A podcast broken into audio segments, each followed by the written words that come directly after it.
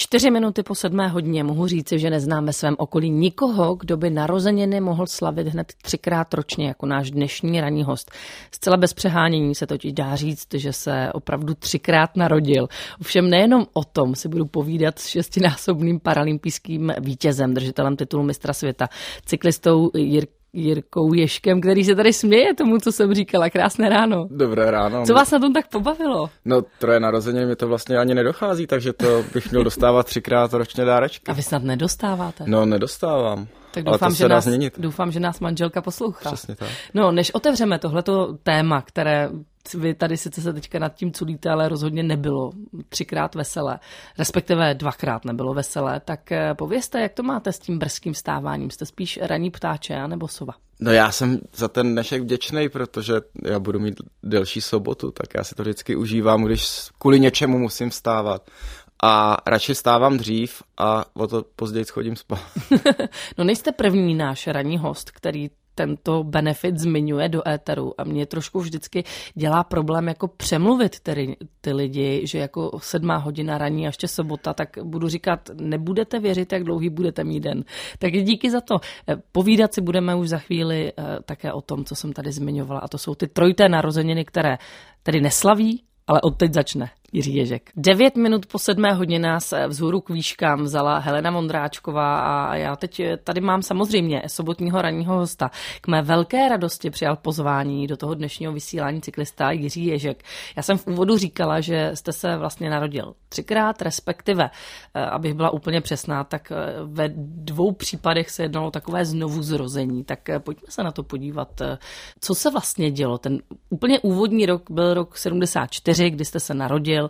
Já jsem tady oceňovala vaše stránky, kde je to hezky napsáno, že krom toho, že tenkrát Praha a Česko dostalo první metro, tak lidé vyhlíželi také jako narození vaše, což eh, se povedlo jistě k velké radosti vašich rodičů.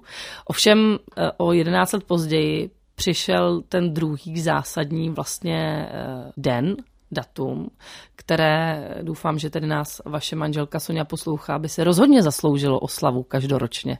Co to bylo? No, já jsem byl strašně živý dítě a já si myslím, že mě asi nějaká takováhle událost určitě čekala. Takže já jsem v 11 letech uh, jsem se špatně rozhlídnul a vletěl jsem pod nákladák a přišel jsem vlastně o nohu pod kolenem. Což v tu dobu se zdálo, že mi trošku přistřihne křídla a že mě to možná malinko sklidní, ale na druhou stranu mm, já jsem zjistil díky tomu, jak všichni to brali, že mi chtěli pomoct a že všichni dělali jako, že se nic nestalo, tak já jsem zjistil vlastně postupem času, že mě ten úraz vlastně v ničem ani nepřibrzdil, naopak, eh, že mi spíš dal nějakou chuť eh, něco v tom životě dokázat, takže já jsem vždycky miloval sport už před tím úrazem a vlastně po tom úrazu mě přišlo úplně přirozený, že se budu chtít všem těm aktivitám věnovat znova zpátky, takže jsem zkoušel, co všechno s tou protézou budu moct dělat a velmi rychle jsem zjistil, už třeba díky kamarádům ze Sokola, kam jsem chodil na takovou tu všeobecnou sportovní přípravu, že, že vlastně mě ta noha v ničem neomezuje a že můžu dělat všechno, co předtím. A navíc, že všechno, co zvládnu, tak je pro ty moje kamarády obrovská frajeřina, že jsem to jakoby s tou nohou zvládnul, takže ještě jsem měl naopak větší pozornost než třeba předtím, protože sice jsem sport rád měl, ale nebyl jsem extrémně nějak talentovaný na nic a najednou vlastně cokoliv jsem eh, zvládnul, jestli jsem šel hrát fotbal nebo, nebo jsem jezdil na kole, tak, eh, tak najednou všichni to brali, že to je, že to je něco jako úžasného, že jsem to tohleto přes vlastně ten handicap zvládnul, tak eh, se mi to tak strašně moc líbilo, že ten sport nakonec se stal i vlastně mojím povoláním. My jsme se viděli už, je to docela pár let, kde jste mě velmi zaujal, protože jste, vlastně to byla taková, řekněme... Jste zaujala. Dobře. Kde to byla taková motivační přednáška a e, prostě mě samozřejmě utkvělo, když jste líčil vlastně tenhle ten velmi zásadní okamžik svého života. A naprosto všechny jste odboural, když jste zahlásil a v tu chvíli jsem poznal eh, pravdivost rčení Tatra nezná bratra, kdy samozřejmě všichni padli smíchy a já jsem to nedávno zmiňovala, když jsme spolu mluvili po telefonu a zvali jsme na jednu přednášku. Eh, je to vaše přirozenost, eh, jako dívat se na ty věci spíše z lepší stránky, protože i dnes, když o tom mluvíte, tak vlastně eh, vy jste zažil něco, co by mnohé samotné, ty aktéry, možná jak si odsoudilo k roli, nechci říct si outsidera, ale minimálně pesimisty, že by třeba si mohl člověk říci, no tak život ke mně byl nespravedlivý a vlastně vy to naopak vyprávíte a berete to tak a vlastně i z toho těžíte, jakože do té doby nic moc, ale od té doby pecka. No, tak samozřejmě to zní jako bláznivě nebo, nebo zvláštně a rozhodně v tu chvíli ani pro mě, ani pro moje rodiče to nebylo úplně jednoduché, ani vlastně pro kamarády, pro to okolí, protože v těch 80. letech nesmíme zapomenout na to, že vlastně o těchto věcech se vůbec veřejně nemluvilo, takže já když jsem se probudil po operaci a zjistil jsem, že nemám nohu, tak já jsem vlastně vůbec nevěděl, uh, jestli budu moc někdy chodit, jak vypadá protéza, jestli nějaká protéza vůbec existuje, protože jedinýho člověka bez nohy jsem si pamatoval Zilvara z chudobince z románu Bylo nás pět. To asi každý z nás. A, a vlastně jinak jsem vůbec o tomhle tématu nic nevěděl. Na druhou stranu to bylo možná jednodušší v tom, že jsem neměl žádné očekávání a prostě jsem to bral, jak to přichází.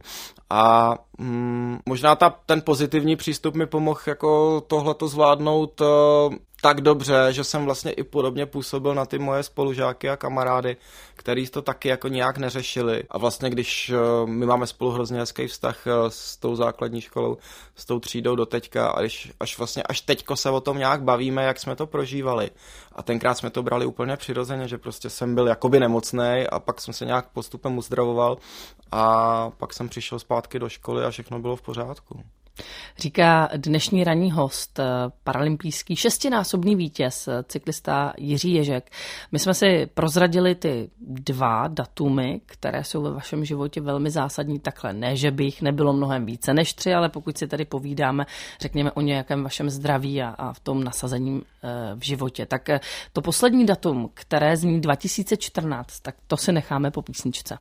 Velmi vtipně reagoval Jiří Ježek, náš dnešní ranní host, na to začáteční vyprávění tady o vlastně momentu, který mu změnil život, kdy vlastně přišel o nohu nebo o část nohy, kdy říkal, já jsem snad znám jenom tím, že jsem se párkrát málem zabil. No tak samozřejmě, že ne tím, na to se také dostaneme, ale už jsme si řekli rok 74, kdy jste se narodil, 85, kdy jste eh, měl auto nehodu, no, respektive jste přehlédl auto a, a přišel jste o nohu. No a rok 2014. No, to jsem měl, už to už jsem byl vlastně asi v největší formě svého života. Uh, byl jsem vlastně profesionální závodník a při jedných závodech, bylo to mistrovství světa v Americe, jsem měl nešťastný pád, kterých je během té sezóny několik a vidíme každý vlastně den, téměř každou etapu na Tour de France, takový ty hromadný pády. Tak já jsem měl obrovskou smůlu a ten pád málem skončil tragicky a díky skvělý péči lékařů, díky obrovskému štěstí jsem to přežil, ale vlastně tenhle ten pád mi tak nějak uh, uzavřel tu úspěšnou kariéru. No. Takže no. jeden, jeden, jedna nehoda byla na začátku, začátku, kdy jsem vlastně přišel o nohu a díky tomu jsem se možná dostal k tomu sportu, eh, k tomu vrcholovému sportu a jedna nehoda mi ten sport jakoby ukončila hezky. No, eh, vy o tom mluvíte tak jako, že neměl jste štěstí, ale hmm. když dovolte mi, já, se tady podívám takhle do těch poznámek, eh, takže kromě zlomené ruky jste měl závažné zranění hrudníků. Lékaři vám museli odstranit kus plíce, dvě žebra nahradili speciálním zdravotním materiálem, také jste měl utržený prsní sval a ještě vám prováděli nějaké zákroky v obličeji. Tak Máte můj chorobu, to bylo, no, ano, to bylo velmi zásadní. no, no bylo, já jsem měl opravdu obrovský štěstí a nejhorší na tom bylo, že to bylo v, v Americe a bylo to poslední den toho mistrovství světa, takže celý ten tým bohužel musel odjet a zůstala tam vlastně jenom moje manželka, která nejenom, že byla jako přítomná té nehodě, tak to určitě pro ní nebylo jednoduchý. Tak eh, vlastně dva dny já jsem byl v umělém spánku a nikdo nevěděl, co, co bude, až se probudím. Takže tato teda jako měla daleko těžší než já, no. No ono to také ze začátku bylo velmi na vážkách, zdali se vůbec probudíte, protože já si vzpomínám, když vlastně to proběhlo médii, tento váš eh, pád, který vás tady odsoudil k tomu, že jste byl v umělém spánku a fanoušci a obecně ta veřejnost česká velmi sledovala, jak na tom jste. A vzpomínám si na ty první fotky, kdy jste se probudil a opravdu jste vypadali, jak když jste prošel 15 koly s Mikem Tysonem. Ale ta naděje, že tedy eh, jste to zase jako ofous vyhrál nad tou smrtí, tam byla veliká. Jaké to bylo bezprostředně potom, když jste se probudil, když už bylo jasné, že jako zase jste tomu unikl sice o vlásek, ale unikl. Jak jste se cítil? No já si vzpomínám na dva momenty. To první bylo to, že Sonja stála u mý postele a snažila se mě chlácholit, protože ona ví, jak ten, tu cyklistiku miluju a ten sport miluju, tak, tak mi říkala, neboj, to bude zase v pořádku, zase se vrátíš do závodu. A já vím, že jsem jenom kroutil očima a jsem říkal, že už ne, že jsem šťastný, že jsem, že jsem to přežil, že jsem se probudil. A pamatoval jsem si samozřejmě, co se mi stalo, tak jsem jenom tak zběžně jako zčekoval, co na tom těle zase jako přibylo nebo ubylo, spíš v horším případě. A ten druhý moment bylo to, že já jsem asi týden předtím viděl ten životopisný dokument o Niky Laudovi, kdy on měl ty popálené plíce a nutili ho kašlat a vykašlávat vlastně tyhle ty spálené věci z těch plic. A já jsem byl pod těch operacích těch plic, tak jsem říkal hlavně, ať by mě nenutili kašlat, ale naštěstí uh, to bylo ta regenerace. Já možná věřím, jak jste mluvila o těch fanoušcích, tak to nebylo jenom z České republiky, když to bylo samozřejmě zásadní. Tak z celého světa mě chodili fakt jako stovky, možná tisíce různých zpráv a mailů a Sonja mi to celý dny četla tam u té postele. A i když nevěřím, no takový ty přenosy té energie, tak tak možná jakoby podle mě to bylo klíčový v tom, že jsem se tak strašně rychle uzdravil a do dneška ty doktoři si tam drbou hlavu, jak je to možné, že jsem jim po, já nevím, deseti dnech utek z té nemocnice a, a přeletěl zpátky do Evropy a tady už se o mě postarali špičkoví lékaři zase na druhé straně země koule u nás v Motole v Praze a ta regenerace proběhla neuvěřitelně. Jak jste na tom s odstupem čtyř let od toho úrazu vlastně máte, řekněme, tak nemáte kus plíce, kterou hmm. vám museli vzít lékaři. A ta žebra také nejsou úplně originální, ale uh, jinak jste vlastně bez uh, nějakých uh, následků? No, tak úplně právě ne, ale já se snažím dělat jako, že hele, pro běžný život úplně v pořádku, jo. Já si myslím, že do práce můžu chodit úplně jako každý jiný. Ale samozřejmě na ten sport, na ten vrcholový sport už to nebylo, takže já jsem věděl hned od začátku, že jestli se vrátím do závodu, tak už nechci říct nostalgie, ale už prostě nikdy nebudu ten šampion jako předtím. A to se potvrdilo, ale vůbec mi to nevadí, protože protože já jsem do té doby zažil tak až s novou kariéru sportovní, že tohle to prostě přišlo a já jsem to vzal jako to nejjednodušší ukončení vlastně toho období sportovního.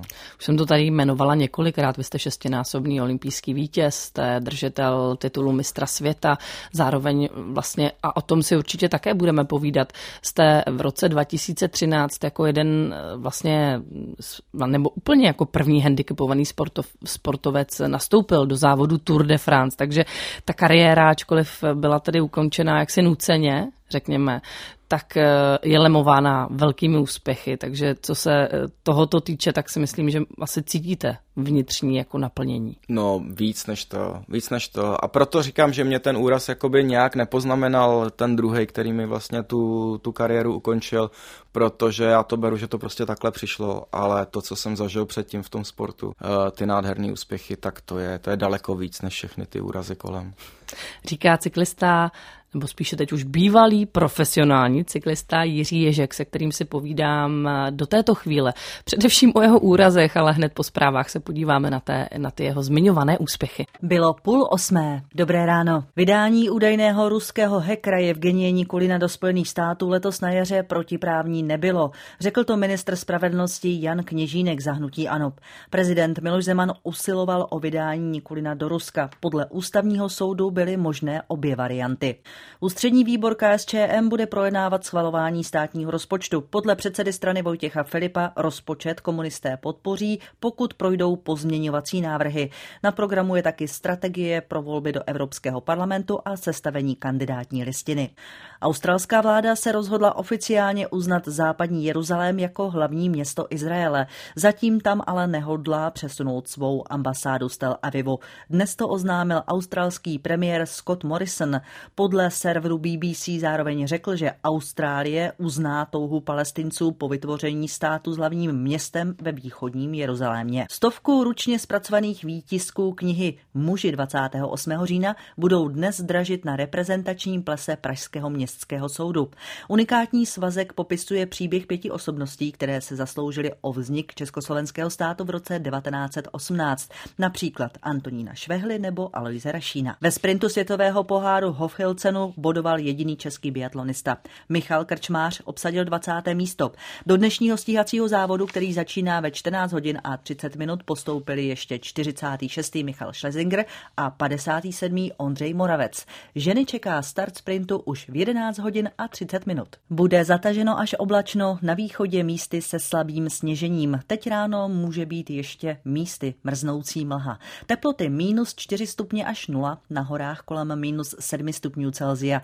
Na Moravě a ve Slesku bude foukat čerstvý vítr s nárazy kolem 50 km za hodinu. Večer pak zeslábne. Na Pražském okruhu se brzdí ve směru od dálnice D1 k letišti před nehodou u Vestce. Na čtvrtém kilometru havarovala dodávka s osobním autem. Jezdí se kivadlově odstavným pruhem. Fronta tam zatím dlouhá není.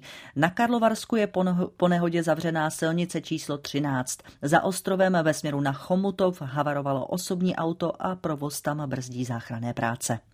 Buďte opatrní, my přejeme šťastnou cestu. Tolik zprávy a Nadia Procházková. Dobré ráno. My si tady s mým dnešním ranním hostem povídáme a už nám svítí červená, tak můžeme si povídat do éteru. Jiří Ježek, šestinásobný eh, paralympijský vítěz a také eh, fenomenální cyklista, který se nebál zapojit i do běžných závodů, je dnešním hostem dvojky. Už jsme si povídali o tom, že eh, co jste si prošel, tak řekněme, kolik nemocnic jste navštívil a, a jak jste to nakonec zvládl. Já to samozřejmě vím, že se to mohu dovolit, protože i vy sám to zlehčujete, takže to zlehčuji. Ale eh, mě by teď zajímalo, čím vlastně teď žije Jirka Ježek? No naštěstí mám tolik práce, že to ani vlastně si nestíhám uvědomovat, ale jak jsem skončil loni vlastně posledního září, tu, tu závodní, profesionální závodní kariéru, tak mi samozřejmě zbylo spousta spoluprací, eh, jak to byly sponzorské firmy, pro které jsem se vždycky snažil něco dělat, tak různé organizace, kterým jsem třeba zase pomáhal, naopak eh, nějakou, nějakou mediální tváří a takovýmhle věcma. Tak eh, tyhle ty spolupráce, protože to bylo všecko na bázi přátelství, tak jsem se snažil jakoby udržet a vlastně dělám všechno to, co předtím, jenom u toho už nezávodím na kole, takže mám, můžu říct, hrozně hezký život teď, že dělám s lidma, který mám hrozně rád a se kterými dlouhodobě spolupracuju. A děláme ty věci kolem toho sportu, který samozřejmě každý profesionální sportovec musí dělat, akorát to není tolik vidět, že ten profesionální sportovec hlavně musí mít ty výsledky a musí být vidět na těch závodech, ale ty věci, aby se vůbec mohl uživit jako profesionální sportovec, tak těch je daleko víc. A já jsem eh, vždycky tohle to měl rád, mě to bavilo a mám tu, tu obrovskou radost, že to můžu dělat i teďko dál vlastně a jenom u toho už nezávodím. tak eh, my si samozřejmě budeme bavit i o současnosti a i o nějaké budoucnosti v tom dnešním ranním vysílání, ale hned po písničce se podíváme na tu zmíněnou Tour de France, kterou jste absolvoval v roce 2013. 10. červenec 2013, datum, které si určitě velmi dobře pamatuje náš dnešní host, eh, cyklista Jiří Ježek. Co se stalo? No pamatuju si ten den, nepamatuju si, že to je 10. červenec. No zase mám lepší informace, no, než máte tak vy. Jako úplně. Ale No samozřejmě dostal jsem nádhernou šanci uh, objevit se na Tour de France, protože každý cyklista a zvlášť jakoby závodník a profesionál už úplně, tak určitě má sen aspoň jednou se objevit na Tour de France. A já už od momentu, kdy jsem začal kromě té paralympijské cyklistiky uh, závodit se zdravými, tak jsem pošilhával, že bych chtěl možná jednou nějakým způsobem se objevit. A bylo mi jasný, že celou Tour de France uh, bez té nohy nezvládnu že i když závodím s těmi závodníky, který pak ty Tour de France vyhrávají nebo ty etapy vyhrávají, tak přece jenom celou tu zátěž asi by to bylo těžký. Ale dostal jsem od organizátorů za to všechno, co jsem v té cyklistice dokázal a i vlastně ve spolupráci s jedním z mých sponzorů jsme dostali šanci objevit se na Tour de France a dostal jsem nádhernou příležitost zajet jako oficiální předjezdec eh, časovku, tenkrát v tom roce 2013, který byl vlastně s tým ročníkem Tour de France, takže to bylo nádherný uh, bylo to strašně emotivní a ten den celý byl pro mě úplně stejný zážitek, jako třeba vyhrát ty paralympijské hry. Já mám úplně husí kůži, když o tom mluvíte. Vzpomínáte si na ty pocity, které jste měl bezprostředně ve chvíli, kdy jste stál na startu, Tour de France je prostě opravdu nejvyhlášenější závod. Eh, říká se vlastně mu stará dáma, je to asi jediné setkání se starou dámou, které si přejí všichni cyklisté. A je tam spousta diváků. Takže jaké to bylo? No pořád to byl závod, takže já jsem se pořád soustředil na to, že když už tu šanci mám, tak ať, ať jedu prostě co nejlíp, protože samozřejmě budou všichni srovnávat, jak jsem na tom časově proti těm největším favoritům ale na druhou stranu jsem si zaprvé uvědomil, uh, jak jsem hrozně vděčný všem, kteří to zařídili, protože to opravdu nebylo jednoduché, protože Tour de France nic takového normálně nedělá a tu šanci přede mnou dostal deset let předtím Herman Mayer, ten lyžař, který se taky zotavoval po nějaký hmm. nehodě a právě hodně jezdil na kole, tak tu šanci dostal. A za druhý, když jsem stál opravdu na té startovní rampě, na té slavné uh, startovní rampě Tour de France a pode mnou v tom malém městečku u Mont Saint-Michel stál stálo 40 tisíc diváků a všichni věděli, proč tam jsem, co mám za sebou, eh, jak je to pro mě nádherný, tak eh, to bylo krásný. No. A to netušili ještě, co vás čeká v tom životě? No, asi tak, no ani já, ale eh, já jsem v tu dobu byl asi jako na té svý nejlepší sportovní úrovni, protože to bylo rok potom, co jsem vyhrál vlastně svoji poslední zlatou medaili na Paralympiádě v Londýně, právě v časovce ve stejné disciplíně a bylo to fakt nezapomenutelný a mělo to obrovský dopad po celém světě a já já jsem se trošku bál, co ty mý soupeři třeba tomu řeknou z toho paralympijského sportu, jestli třeba francouzi nebudou naštvaní, že takovou šanci nedostali, protože oni by na to samozřejmě měli větší právo než já. Ale hrozně mě překvapilo, když jsme měli po té tiskovce a oznámilo se to, že tu tour pojedu. Tak na prvních závodech, kde jsem se objevil a viděl jsem ty svoje soupeře, tak říkali, že vlastně mi to přejou, že kdo jiný než já by to měl tuhle tu šanci dostat. A jenom ať jedu co nejlíp, abych neudělal ostudu těm ostatním a to si myslím, že jsem zvládnul. Mluvil jste někdy s organizátory Tour de France? Proč si vlastně vybrali vás? Mm, no, bylo tam hodně spojený, protože Česká automobilka je dlouholetý hlavní partner Tour de France a, a my jsme spolu zrovna v tu dobu spolupracovali, takže to bylo a spolupracujeme do teďka, takže vlastně to bylo takový, že to bylo za, za tu odměnu toho spojení toho českého závodníka a vlastně rok rok potom, co jsem vlastně tou svojí šestou zlatou medailí v Londýně vlastně se stal historicky neúspěšnějším paralympijským cyklistou, tak uh, asi se to tak všechno nějak zapadlo a prostě to padlo na mě a jsem za to hrozně rád, protože mi to udělalo nádherný jméno po celém světě. Takové jsou úspěchy cyklisty Jirky Ješka, když si vezmete vedle sebe, srovnáte ty zisky medailí olympijských, řekněme titul mistra světa a právě možnost absolvovat časovku na Tour de France. Co, co z toho, dáli se to vůbec říci, je pro vás ve vašem srdci nejcennější? To je všecko jeden balík takového bonusu toho, co každý sportovec eh, po čem sní, že má tu šanci opravdu být nejlepší v tom svém oboru. A samozřejmě, že spousta lidí trénuje poctivě, stejně poctivě, jako jsem trénoval já. Možná spoustu lidí mělo větší talent, než jsem měl já, ale prostě já jsem tuhle tu příležitost dostal a jsem za to hrozně vděčný, ale myslím si, že to určitě nebylo zadarmo a a hlavně to nebyla ani jenom moje práce, protože uh, na tom se podílelo spousta lidí. Jak ty, kteří mi pomáhali finančně, materiálově, tak ty, kteří mi věnovali spoustu svého času. A myslím si, že třeba, když řeknu, moje manželka věnovala vlastně celý svůj profesní život tomu, protože já, když jsem se rozhodl, že budu profesionální závodník, jako první vlastně paralympionik u nás a jeden z mála na světě, tak ona se stala mojí manažerkou. Oba jsme se tohleto učili. A dělá to velmi dobře mimochodem. A dělá to velmi dobře. A taky proto jsem měl to nejlepší zázemí a spolupracoval jsem se skvělými lidmi, kteří mě dali obrovskou podporu a jsem rád, že jsem tu podporu dokázal naplnit v tom sportu říká Jiří Ježek.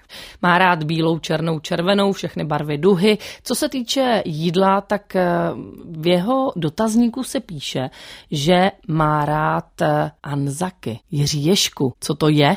To jsou taky ovesný takový jako sušenky pečený. V Austrálii to pekli válečným veteránům a já jsem, jak jsem jezdil hodně do Austrálie, trénovat, tak, tak jsem si to zamiloval. Ale jsou to takový ty ovesný, normální, kulatý sušenky.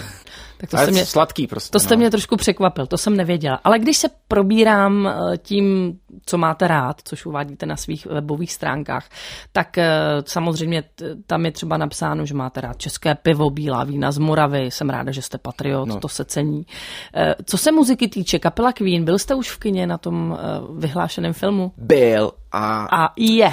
No, já to už to vidím. Problém, no, já jsem ultra fanoušek Freddie Mercuryho už jako už od dětství, už jako od roku 87, kdy jsem viděl film Queen v Budapešti, ještě tenkrát jako za minulého režimu a byl jsem na něm asi desetkrát v kině Svornost u nás v Davicích. tak prostě mám problém, že ten herec prostě nemá takový charisma. A nejste jako jediný, Freddy. kdo to no. říká. Ale jinak film nádherný, příběh hmm. nádherný, ty ostatní role všech těch členů kapely to trefili ty herce úplně perfektně. Ale tady prostě já jsem se přesto nedokázal přenést. Ale věřím, že to zase pro lidi, kteří úplně takový hmm. ultrafanoušci nejsou, tak uh, to je aspoň hezky stvárněný ten příběh. Dobře, to... tak uh, do kina chodíte, to nám z toho tedy vyšlo. A jaké filmy máte rád, to mě velmi zaujalo. Hned jste mi sympatičtější. Ježišmarja. Láska nebeská a Nothing Hill. No. Totální romantika. No to já brečím u filmu, ale, ale možná teďko poslední dobou musím říct, že teda jak mám maličko víc času, už netrávím tolik času po světě po těch závodech, tak víc než filmy si užívám jakoby ten luxus, že mám opravdu čas jít do divadla na, jako na živou kulturu. Já mám hrozně rád jako divadlo, koncerty živý, prostě takový to, ještě to pravý umění, že to není přes ten počítač nebo přes tu obrazovku, tak to je a máme prostě v Čechách přeci nádherný, nádhernou historii jakoby a tradici toho skvělého divadla, tak mám radost, že mám kolem sebe spoustu lidí, kteří buď jsou herci nebo, nebo skvělí režiséři a každou příležitost vítám. Když si vybíráte třeba divadelní představení, tak po čem šaháte? V jakém žánru? No, jak kdy, někdy mám chuť na komedii. Teď jsme byli zrovna nedávno tři dny zpátky nalevo od výtahu, hrozně vtipná komedie, ale... V jakém divadle? Bylo to divadlo Palas, nějaký hostitelský mm-hmm. představení, ale hrozně rád chodím do takových těch klasických městských divadel pražských ABC, Rokoko, i třeba na něco silného. Mám rád ruský dramata, takový ty klasický, že Evžen prostě Onegin. Třeba, no, idiot a Višňový sad. Višňový sad. Jo, jo, jo, prostě si to prostě jako užívám. Davidský divadlo, tím, že bydlím v Davidcích, tak zase jako úplně úžasný fenomén. Tak eh, nejenom o cyklistice je dnešní rozhovor, ačkoliv možná jste čekali více z toho sportovního nasazení, konec konců už je ale rok v cyklistickém důchodu, i když je na to relativně mlad. Eh, Jiří Ježek, dnešní host eh, dvojky, nám prozradil, co má rád, no a také už nám dobíhá trošku čas tak se mrkneme za chvíli na tu budoucnost. Co vy na to? Těším se. Vzácný den od zpěvačky Anika jasně dává najevo, že Vánoce jsou v podstatě tady. Co Jiří Ježek a Vánoce? Těším se strašně moc. My jsme spoustu Vánoc strávili v Austrálii se Soňou, kde já jsem jezdil trénovat a byl jsem tam vždycky vlastně skoro celou zimu. Tak uh, letos to jsou jedny z mála Vánoc za poslední roky, kdy si je chcem užít uh, tady se všema tradicema, takže podle mě dneska už budeme zdobit stromeček a už máme na zdobíno doma, jako tu, tu domácnost už máme pořešenou, jenom jsme říkali jako stromeček a cukroví už taky užírám postupně a těším se. Překvapivé bylo a možná i pro posluchače bude, vy nemáte rád zimu? Nemám. Nemám. A velmi, ra- velmi razantně ji nemáte rád. No, prostě mě je zima v zimě. A ještě jak jsem pražský dítě, tak my jsme s rodičema nikdy nejezdili na hory, takže jsem k tomu nikdy nepřičuchnul a už asi nepřičuchnu. Uh, zaregistroval jste projekt Českého rozhlasu Ježíškova vnoučata? Ano, zaregistroval. Dokonce jsem byl na jedné akci, kdy bylo živý vysílání. Jsme měli z Pardubic právě co se týče charity a takového toho dobrovolnictví a taky to bylo směřovaný k Ježíškovým vnoučatům. A mně se tyhle ty projekty líbí a hrozně se mi líbí, že my jako Češi jsme hrozně ochotný pomáhat. A zvlášť takhle kolem těch Vánoc, kdy to má tu tradici toho adventu, tak uh, kdy jindy? Vlastně, když byla ta přednáška, nebo spíše ta akce, o které mluvíte, tak my jsme spolu vlastně mluvili a bavili jsme se vlastně o, o té charitě, o tom, jak cí Češi jsou, že pomáhají. Překvapilo, překvapilo vás třeba někdy něco, řekněme, někdo vás oslovil, chtěl pomoct s něčím? No, já si myslím spíš, když to řeknu úplně obecně, že jsme obrovský střícný národ, jako k tomu, když někdo potřebuje pomoc. Že se to nezdá, že si to občas ani o sobě nemyslíme, ale už jenom to, že tady máme ty, ty charitativní projekty, jak, jak třeba v rozhlase nebo v televizi, tak je tady obrovská komunita těch neziskových organizací, které opravdu dělají dobro. A já jsem na to opravdu pišnej, že jim můžu pomáhat některým z nich. A, Zmiňte některé. No, já strašně rád dlouhodobě spolupracuju s nadačním fondem Emil, který pomáhá sportovat právě handicapovaným dětem. Už vlastně celou tu kariéru.